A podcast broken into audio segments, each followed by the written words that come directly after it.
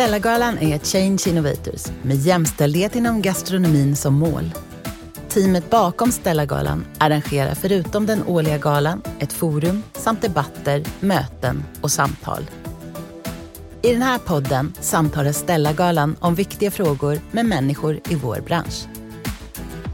I studion idag sitter jag, Anette Rosvall och Anita Lindström från Stellagalan. På länk har vi med oss Jenny Valdén, matkreatör från Malmö som vann Stellagalans mediapris 2021. Vi har också med oss Sara Lindström Busch som vann Stellagalans servispris 2021.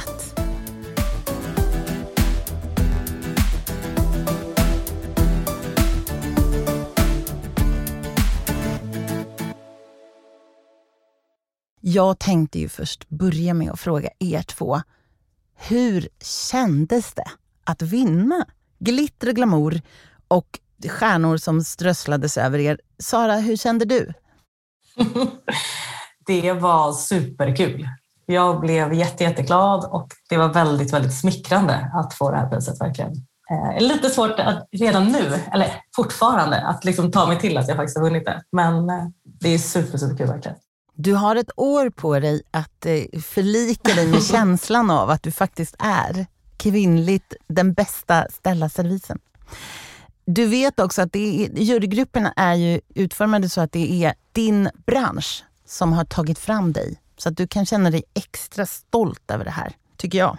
Jag vet, det är ännu fetare att det är så. Mm. Jenny, hur kände du? Nej, men jag fick ju veta den här nomineringen när jag var på väg till bröllop i Grekland. Och jag hade lite svårt att ta in det då. Jag var liksom halvt illamående på en båt på väg ut till en ö. Men eh, det trillade ju ner så småningom och jag blev jätteglad. Men framförallt måste jag faktiskt säga att när jag satt där och de skulle ropa ut vem som vann, så fick jag ju faktiskt ett magpirr av dess like som jag inte haft på väldigt, väldigt länge. Och det var ju otroligt spännande för jag visste ju ändå att jag hade 33 procents chans då mm. att faktiskt bli den som vann. Så när jag stod där på scenen så kände jag bara att men herregud, jag kände som jag har liksom ett helt, alltså såhär, inte fjärilsbo, utan ett helt fågelbo i munnen, eller i magen. Härligt. Eh, för att det pirrade så mycket. Så det var ju en fantastisk känsla. Så tack så mycket för att jag fick eh, uppleva det. Men tack detsamma. Det roliga är att jag står ju där varje år och har exakt samma känsla. Jag, bara, jag vet ju exakt vem det är som ska vinna, men jag är ändå så här, wow, det är så himla roligt. Man blir ändå gråtfärdig och får lite ja. tårar i ögonen ja. och gläds, ja. verkligen. Det är himla roligt. Jag tänkte börja med att ni skulle få förklara, vad ni, när ni började i den här fantastiska branschen, hade ni några kvinnliga förebilder då och vilka var de i så fall? Jag eh, ska vara helt ärlig, jag eh, hade nog inte någon kvinnlig förebild när jag startade Närmo, om det är det du tänker på. För jag har ju både eh, Närmo som är då min och min man Jonas restaurangverksamhet mm. och sen så jobbar jag ju väldigt mycket med sociala medier och skriver kokböcker. Så jag vet inte vilken del av det hela du menar, men om, men om du tänker dig själva restaurangen så hade jag inte det, nej. Ingen kvinnlig förebild. Egentligen ingen direkt förebild alls faktiskt om jag ska vara helt ärlig. Men hur är det media, hur mediadelen då? Den som du liksom har fått pris för här på Stellagalan. Vilken, hade du några förebilder då? Um, alltså det är klart att man får massa inspiration ifrån andra. Men uh, prata om förebilder tycker jag är svårt för att då har man ändå någon som man liksom ser upp till och så någon som man strävar efter att bli som och åstadkomma samma som. Mm. Och för mig så handlar det, alltså egentligen i allt jag gör så försöker jag utgå ifrån mig själv och vad jag tycker är roligt och eh, hitta min egen stil när det gäller just i den, i den mediala biten. Jag fattar. Den branschen är ju annars extremt kvinnlig, skulle jag säga. Exakt. Ja, det är det. så det kanske inte är så svårt liksom, att känna sig naturlig där. Hur känner du, Sara? Alltså I början när jag började så var jag ju väldigt ung när jag började jobba på café. Då var jag 12-13 och då började jag på min brorsas café. Och då var det liksom för extra pengar. Men ju äldre jag blev och när det faktiskt blev ett karriärsval så började jag jobba på ett, en restaurang som heter Restaurang Svartengrens i Stockholm. Och eh, där finns det en restaurangchef som heter Alexandra Möller som hjälpte mig utvecklas väldigt mycket på alla sätt och vis. Så jag pluggade sommelier när jag jobbade där också. Mm. Och då var det väldigt många kvällar då jag fick sitta kvar och hon kom med blindglas och vi pratade vin. Och hon var väldigt stöttande och eh, har eh, hjälpt mig väldigt mycket i min karriär. Vad härligt. Det är så fint när man har sådana människor som brinner för samma sak som man gör själv.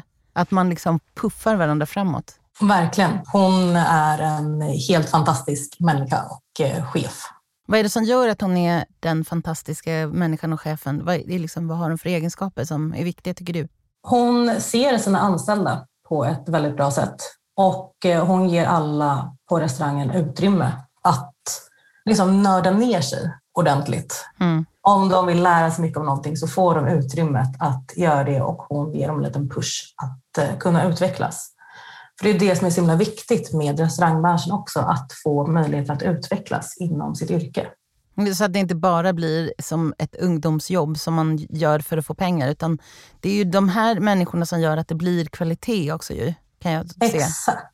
Och att mm. man vill stanna i branschen. Mm. Så att man faktiskt får någonting annat att utvecklas inom, att man fortsätter vara hungrig eller att man blir hungrig mm. inom sitt eh, arbetsfält.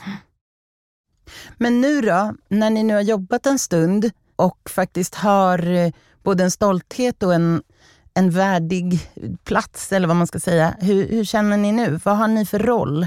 Ser ni liksom er själva som förebilder och eh, ser ni att ni gör en skillnad för tjejer, unga tjejer? Jag tror att det är väldigt svårt att se sig själv som förebild. Utan det, man försöker vara en bra människa i alla avseenden, helt enkelt. Mm. Alltså jag tänker väl så här när det gäller eh, Närmo eftersom det ändå, eh, vi pratar ju restaurangbranschen också här, eller framför allt tänker jag, så finns det ju tyvärr fortfarande en del restauranger som inte behandlar sin personal så som jag tycker är självklart att man ska göra. Och för mig är det jätteviktigt att man, eh, att man håller sig till alla de, de rekommendationer och förhållningsregler som finns enligt Visita och andra organ. Mm. Och för mig då som egentligen, jag jobbade i restaurangbranschen när jag var tonåring och sen när jag började plugga så slutade jag eh, med det och pluggade och gjorde en helt annan liksom, karriärval under lång tid. Och jobbade framförallt på storbolag. Så jag blev faktiskt ganska chockad när jag kom in i restaurangbranschen igen, när jag öppnade Närmo eh, och pratade med våra anställda där på hur, hur det funkar på många ställen i den branschen. Mm. Och för mig så var det så himla viktigt att det är klart att man har exakt samma rättigheter när man jobbar inom restaurangbranschen som när man jobbar i storbolag. Men så är det oftast inte. Eller inte oftast inte, men ofta. Många gånger är det inte så. Nej. Och för mig är det jätteviktigt att sätta en standard där. Nu har du svarat på nästa fråga som är det här med vad kan förändras i branschen och vad finns för utvecklingspotential. Och Det är jättebra att du tar den stafettpinnen, tänker jag. Hur, Sara, hur känner du där? Ser du också sådana problem som Jenny presenterar och vad tror du man kan göra åt det? Jag tycker att det är ett jättestort problem, precis det som Jenny säger. Men ett annat stort problem är ju också att man förväntas att gå på knäna i många fall när man jobbar i restaurangbranschen. Att man konstant ska kunna ställa upp eller att man ska vilja ställa upp, att man ska kunna jobba över. Ofta obetalt också. Eh, och speciellt när man liksom blir ny i branschen, eller man är ny i branschen. Och det som händer är också att restaurangbranschen är ett yrke där du faktiskt sliter på din kropp. Och det som vi inte har i restaurangbranschen är någon form av friskvårdsbidrag ofta. Eller bara en vanlig ta hand om din kropp och självdag på jobbet på något sätt. Mm. Vilket är så otroligt viktigt förlängningen så att man faktiskt har människor som är äldre som vill vara kvar. Som håller, ja precis. Vi måste kunna hålla i branschen. Exakt. Men det borde väl vara någonting som man som när man har några år i branschen borde man ju kunna ha det som vision och visa då de yngre att så här jobbar vi och vi ska säga ifrån. Är det så att ni har kommit så långt i ert självförtroende i ert arbete så att ni säger ifrån om det är något som är fel, om det är någon som är elak eller otrevlig eller liksom, gör ni det? Tar ni ansvar för sånt? Både arbetsmiljön och, och liksom, eh, känslan runt omkring. Men alltså nu är ju, eh, är ju min och eh, min mans krog. Så det är klart att vi äger i den och det är klart att det är vi som sätter själva förhållningsreglerna på hur man får vara på arbetsplatsen där. Mm. Så det är självklart. Det, är liksom, det finns ju inget annat. Det är bra, för det är en, jag tror inte det är självklart för alla, men det är jättebra tycker jag. Vad säger du Sara? Jag tror att det blir en mer och mer självklarhet med åren. Och branschen har också utvecklats i en positiv bemärkelse så att det blir mer och mer självklart för de unga personerna att våga säga till. Eh, jämfört med man själv var ung och det var mycket som var normaliserat när det kom till allting ifrån dricks till obehagliga gäster eller till en allmänt dålig stämning på jobbet. Mm. Sen är det precis som alla andra arbetsplatser att det finns bra och dåliga arbetsplatser. Men det blir mer och mer normalt för en själv när man också har jobbat så pass många år och på så många olika ställen att veta vad man själv tycker är bra och dåligt och kunna känna att man kan säga till med en rak rygg helt enkelt och bara säga att nej, det här funkar inte. Ni måste göra om och göra rätt. Mm. När det gäller ansvar så tycker jag generellt att män inom restaurangbranschen har ett större ansvar gentemot kvinnor. Mm. Och det är för att det är en mansdominerad bransch. Men när det kommer till att vara i kök eller att laga mat eller kunna vin, bara det, så är det ju faktiskt kvinnodominerat mm. i hemmet. Likaså så är det fler kvinnliga sommelier nu för tiden. Men de som syns är generellt män. Mm. Eh, och när det kommer till kockar och alla positioner i kök och restaurang. Så där tycker jag att män har en större ansvar gentemot att faktiskt lyfta kvinnor och att skapa en bra och trevlig och trygg miljö. Precis. Men däremot så har jag också mest jobbat för kvinnor. Så att jag kan inte riktigt eh, sätta mig in i situationen hur det är att ha manliga chefer och leva i en, eh, stort, en stor restaurang med män helt enkelt. Eh, mm. För jag har mestadels haft kvinnor runt omkring mig, vilket har varit otroligt skönt. Är det ett aktivt val från din sida eller har det bara blivit så? Eh, vi har funderat ganska mycket på det där den senaste tiden och undrar om det är ett undermedvetet val faktiskt. mm. Eh, men det är skönare att jobba med kvinnor. Mm. För att kvinnor är bättre på allt. Jajamän, det kan vi hålla med om här på Stellagalan. Så det är eh, en stark rekommendation för alla. Börja jobba på restauranger med kvinnliga chefer och kvinnliga kockar i mm. Överslöd. På vilket sätt är kvinnorna bättre? Kan du konkretisera det? Jag känner på att man har spelar lite mer på samma spelregler. Man har en annan liksom, grundläggande förståelse gentemot kvinnor i många frågor eh, och i många synsätt helt enkelt. Och därför blir det en annan typ av liksom gemenskap som finns där. Mm. En, en, annan arbetsmiljö helt enkelt, från början. Ja. Mm. Alltså jag vet inte om jag riktigt håller med om det. Och då kan jag ju bara utgå från min egen restaurang där jag själv har rekryterat mina egna kockar. För vi har ju mest manliga kockar och har haft det sedan vi startade. Och det är inte ett aktivt val vi har gjort att vi ville ha det, utan det är de som har sökt sig till oss vi har, när vi har sökt folk så har vi fått väldigt få kvinnliga ansökningar, alltså nästan inga. Men du är, ju en, ehm, du är ju en kvinna och du är äger restaurangen, så där, där, det är ju liksom, det är ju lite det Sara menar tror jag. Ja, och det sätter jag och, ehm, och min man tillsammans. Eh, ledarskapet där som vi har på restaurangen och vilka mm. normer vi ska jobba efter, det gör vi. Och det har ju också påverkat de kockarna som vi har rekryterat in till oss. För bland alla de här männen som har sökt oss har det funnits, men, låt säga högt och lågt. Mm.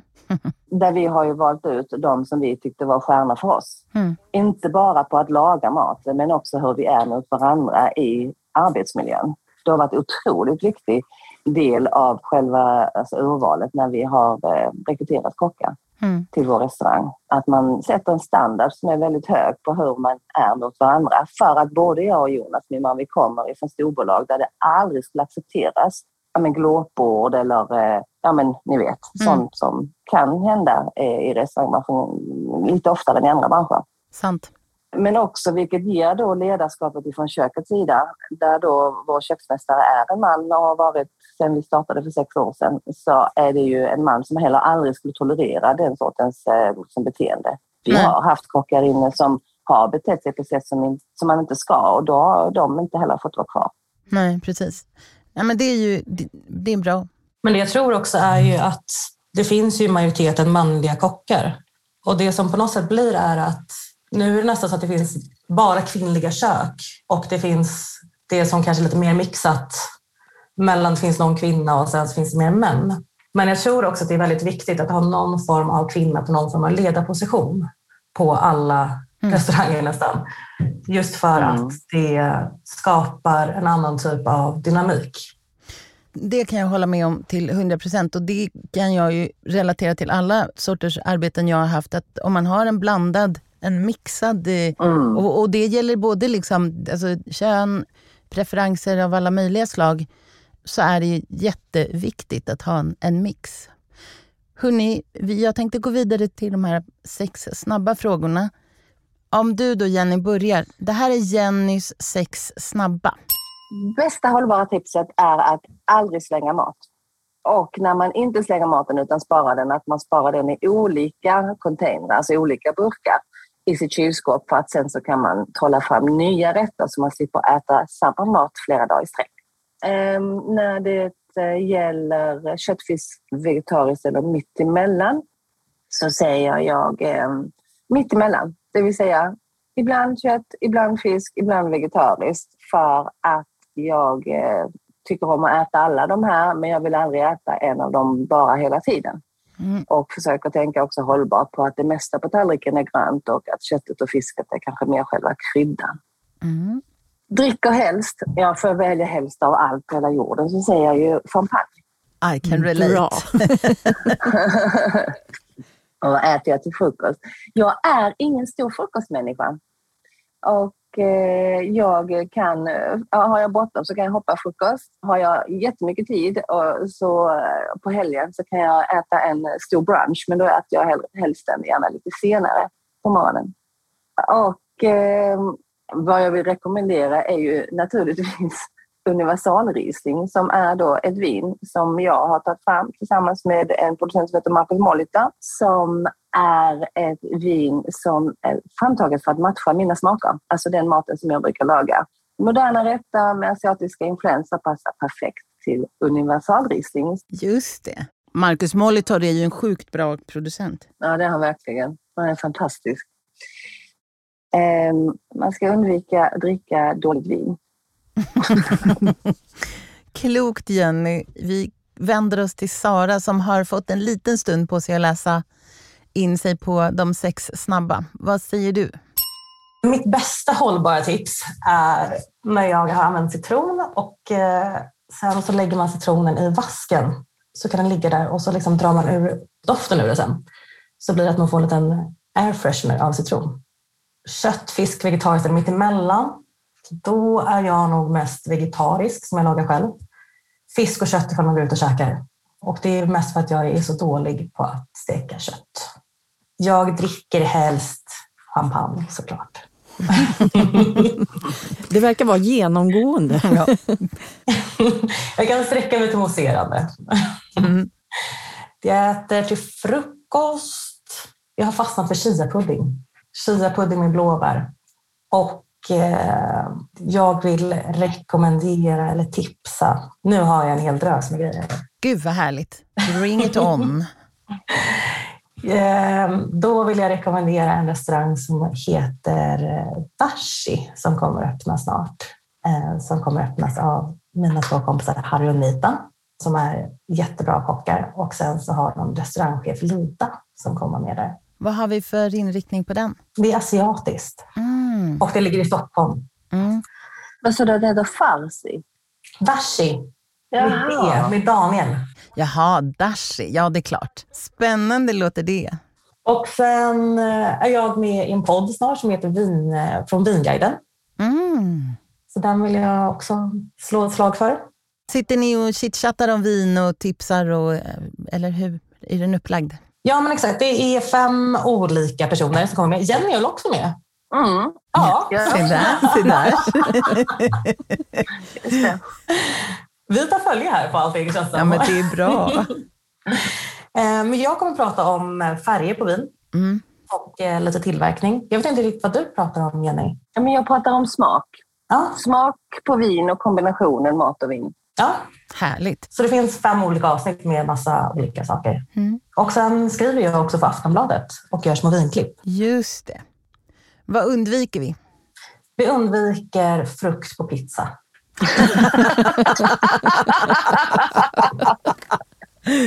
Det där är en vattendelare verkligen. Ja, det är det verkligen.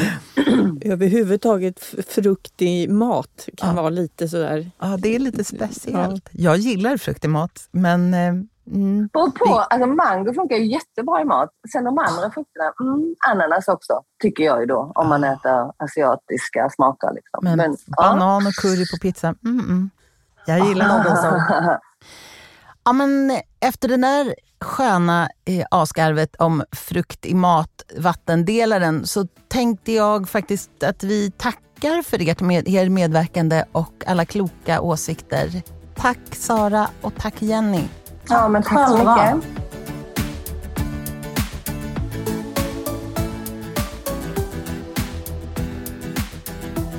Vi tackar våra samarbetspartners Menigo, Werners Gourmetservice, Personalkollen, Skånemejerier, HK Scan, Vin Unik, The Wine Agency, The Absolute Company, Svenskt Kött, Sundqvist och Visita.